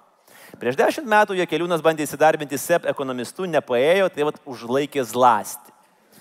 Jeigu taip ir toliau, tai 2028 metais Jekeliūnas turėtų siūlyti parduoti Lietuvos Respublikos Seimą. O jokingiausia buvo lyderių reakcija. Ramūnas tiesiog numojo ranką, taigi sako, čia jie keliūnas, Hebra, nu taigi čia mūsų stasiukas, nu nekreipkite jūs į jį dėmesio, jis pas mus toks keistas. Užsienio investuotojai sako, jo, ok. Prekyboje Praimas pasigyrė, kad jam Sauliaus laiškais pavyko prekybos tinklą plėstis Lietuvoje įtikinti. Ta pačia diena paaiškėjo, kad ne naują tinklą, o tiesiog iki atidarys naujų parduotuvių. Ir jį tai planavo padaryti dar iki garsiųjų skvernelio laiškų. Na, netepo Saulis naujojo Gediminu. Premjerui nepaėjo ne tik su laiškais, apskritai su laiškais mūsų politikams nelabai buvo geras dalykas. Paklauskit prezidentės. Lapkritį prasidėjo mokytojų streikai. Kas skvernelis į tai? Nebus taip, kad mokytojai turėtų daug laisvo laiko ir dar gautų tūkstantį eurų. Ir premjeras buvo teisus, nes tik daug laisvo laiko turintys žmonės gali mėnesį nesitraukti iš ministerijos ir reikalauti dėrybų. Mokytojai taip norėjo dėrėtis, kad į ministeriją lipo pro langą. Jiems duris užrakino. Ir žinot, apie švietimo ministerijos langus grupė Scorpions net Twitter'yje parašė Wind of Change. Beastie Boys Instagram'e papausino You gotta fight for your right. O viską, aišku, geriausiai apdainavo Pink Floydai. We don't need no education. Skundėsi ne tik mokytojai, bet ir ugnegesiai, kurie net neturi pakaitinių uniformų. Vidaus reikalų ministras lapkritį rekomendavo išsiskalbti seną, o kol išdžius pasivaikščioti pusnuogiams, nes jis taip daro pasportavęs. Mes pabandėme įsivaizduoti, kaip tai galėtų atrodyti. Prisiminkim.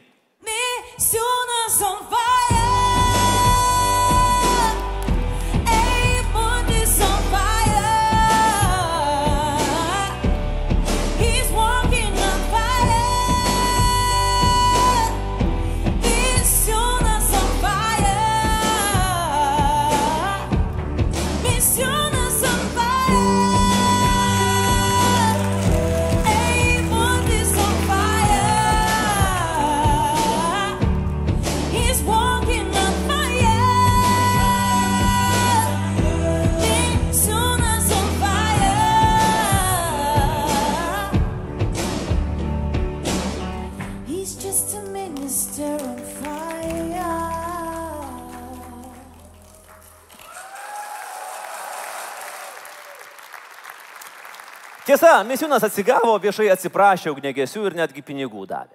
Ko nepasakysi apie kolegas ministrus ir premjerą, kurie viešojo sektoriaus krizės akivaizdoje rodo reto lygio aroganciją. Keista, aš galvoju, kad visa Lietuvos arogancija yra rezervuota Landsbergiams, pasirodo, kad ne.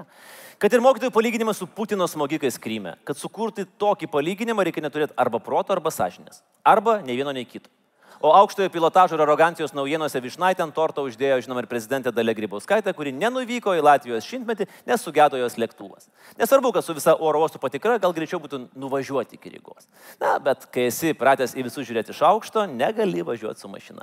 Įsivaizduokit, geriausia draugė, vardu Latvija, pakviečia tave į gimtadienį, užsako pirtelę, alūtis, šašlykai, Rygas balzams, žadėjo Estiją prilėkti, o tu netvarai. Nes nu nėra nuotaikų. Ir telefono nekeli. Ir žinutės ignoruoji. Tik Facebook'e ant Latvijos sienos parašai su. Tas pats lėktuvas gedo ir toliau. Po savaitės skvernelis jo nuskrido į Briuselį ir paskui pranešė, atskridau, bet nebegrįšiu. Konservatoriai net šampaną atkimšo.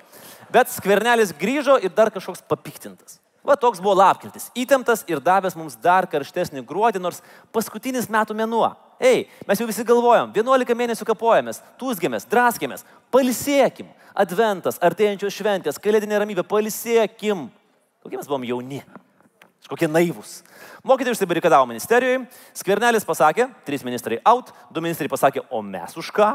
Mes paskelbėm apie paskutinio skambučio protestą, Praimas pasakė valstybėje perversmas, ruošiamės gintis, mes išėjome gatvę su 10 tūkstančių žmonių, Saulis sakė netiek ir daug, saugumas viską išsiaiškins, prezidentė pasakė išsitrink galvą lygūstės premjerė, Praimas pasakė rūpinkis savo tulpėmis melinšvarkė, Paksas pasakė, aš pas Putiną buvau, Putinas nieko nesakė, nes jam gėda buvo dėl to, kad jis su Paksu susitiko. Masiulis pasakė, aš būsiu Klaipėdos meras, Karbauskis pasakė, mokytojai gali sėti ministerijoje iki 20-ųjų, Pradėtskėlis pasakė, geriau dar kartą pažiūrėkim, ką Pranskėtis pasakė. Gyvulių ūkis yra dažnai minimas, kad daugeliui net ir e, didelės pajamas gaunančiųjų įvairios lengvatos galioja mokestinės ar ne. Dėl to minimo gyvulių ūkio, tai, tai turbūt jūs girdite tik vieną pusę, tai yra Vilniaus universiteto profesoriaus pasakymas, kuris turbūt gyvulių ūkija niekada nėra buvęs. Ir jis galėtų pagarbiau taip pat kalbėti ir apie gyvulių ūkius, e, pamatęs, koks ten yra darbas, o, o ne iš karto reikšti nuomonę apie tai, kaip, e, kaip yra gerai gyvulių ūkiuose. O gyvulių ūkis, jeigu jau apie jį kalbėti, tai Lietuvoje yra susitraukęs turbūt tris kartus, lyginant su tuo, koks jis būdavo, lyginant netgi su 1916 metais jis yra mažesnis. Taigi e, turbūt nereikėtų taip. Ir Ką tai yra taip kas čia susitraukia? gyvulių skaičiai. O, dieve, tai mesgi kalbam apie perkeltinę prasme. Taip ir gyvenam. Tarsi gyvulių ūkija, o gal net šiek tiek 84 metais. Ir matom, kad valdžia būtų nieko prieš įvesti šiek tiek daugiau policinės tvarkos ir šiek tiek mažiau demokratijos. Bet tuo pačiu matom, kad dėl savo idealų, dėl laisvės, dėl sažiningesnės ateities mes galime išeiti į gatves ir be baimėms mūsų lyderiams bei kai kuriems politikams bus apie ką pagalvoti mušant kurantams. Ir besibaigiant metams, gyvūnijos pasaulis ėmė ruoštis žiemos miegui, o vienas atstovas, raudonasis žaltys, tapo dar vienu laikykitės ten apdovanojimu. Pirmininkė, paskutinis gongas. Ačiū Andriu, fantastiška metų apžvalga. Pablokim, Andrius Tapinas.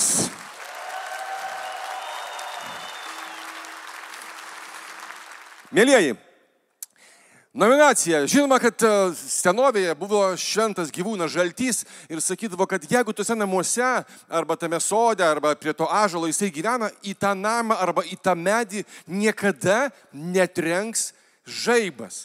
Taigi, dėmesio, nominacija Raudonasis žaltys. Prizas už koalicijos saugojimą nuo žaibo atitenka Gediminui Kirkilui, Raudonasis žaltys. Grįžtame į apdovanojimus ir paskutinė nominacija keliauja štai šitam nuostabiam vyrui, kurį mes dabar gyvai ir pakalbinsim.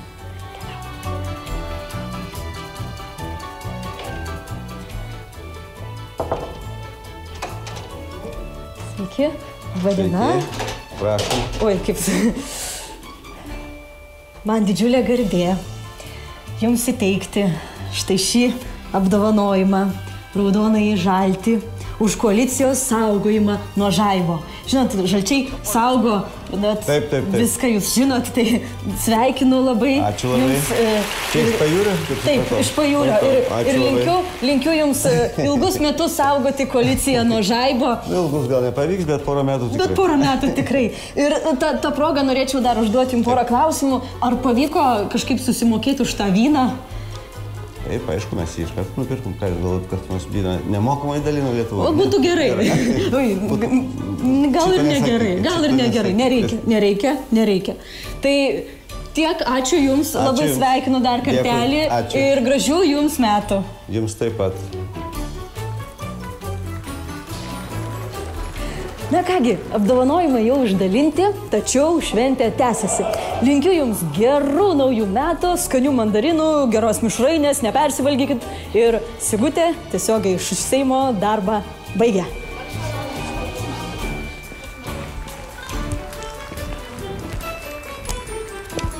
Oi, kaip šalta.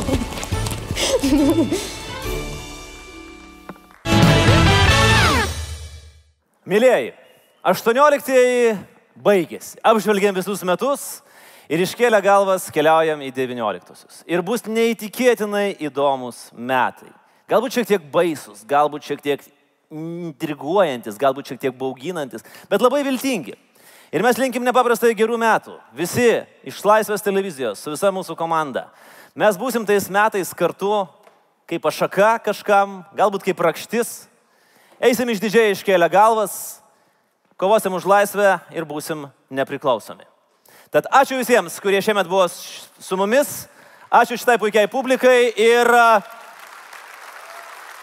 laikykitės ten, nes dabar dainuosim.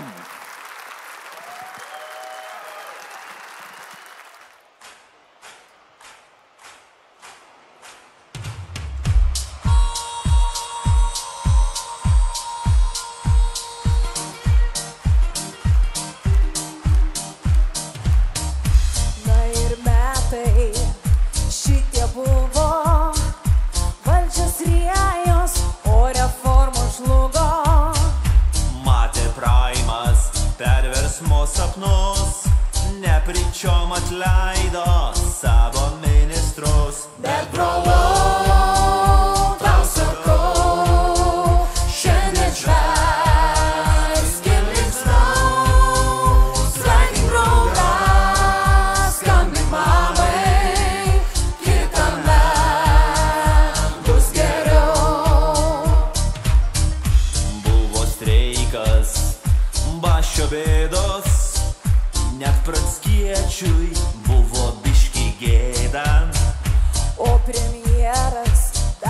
šios metus.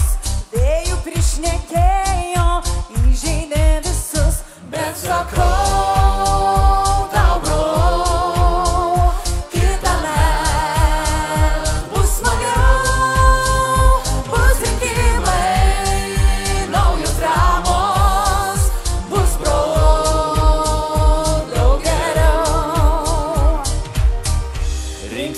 merus, rinksim naują prezidentą ir niekad neužmiršime valstybę mes visi. O šiandien dar be voucherių mišrainės nusipirkę linkim su naujais geresniais. Nesakau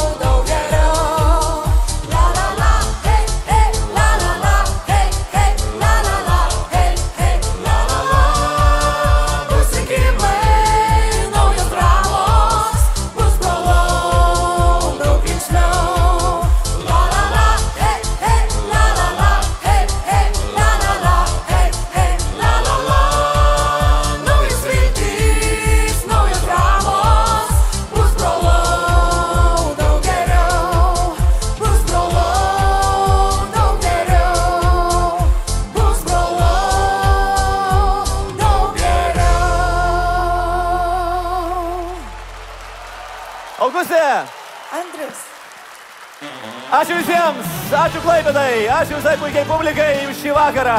Gerų naujų metų, linki Jums Laisvės televizija. Iki.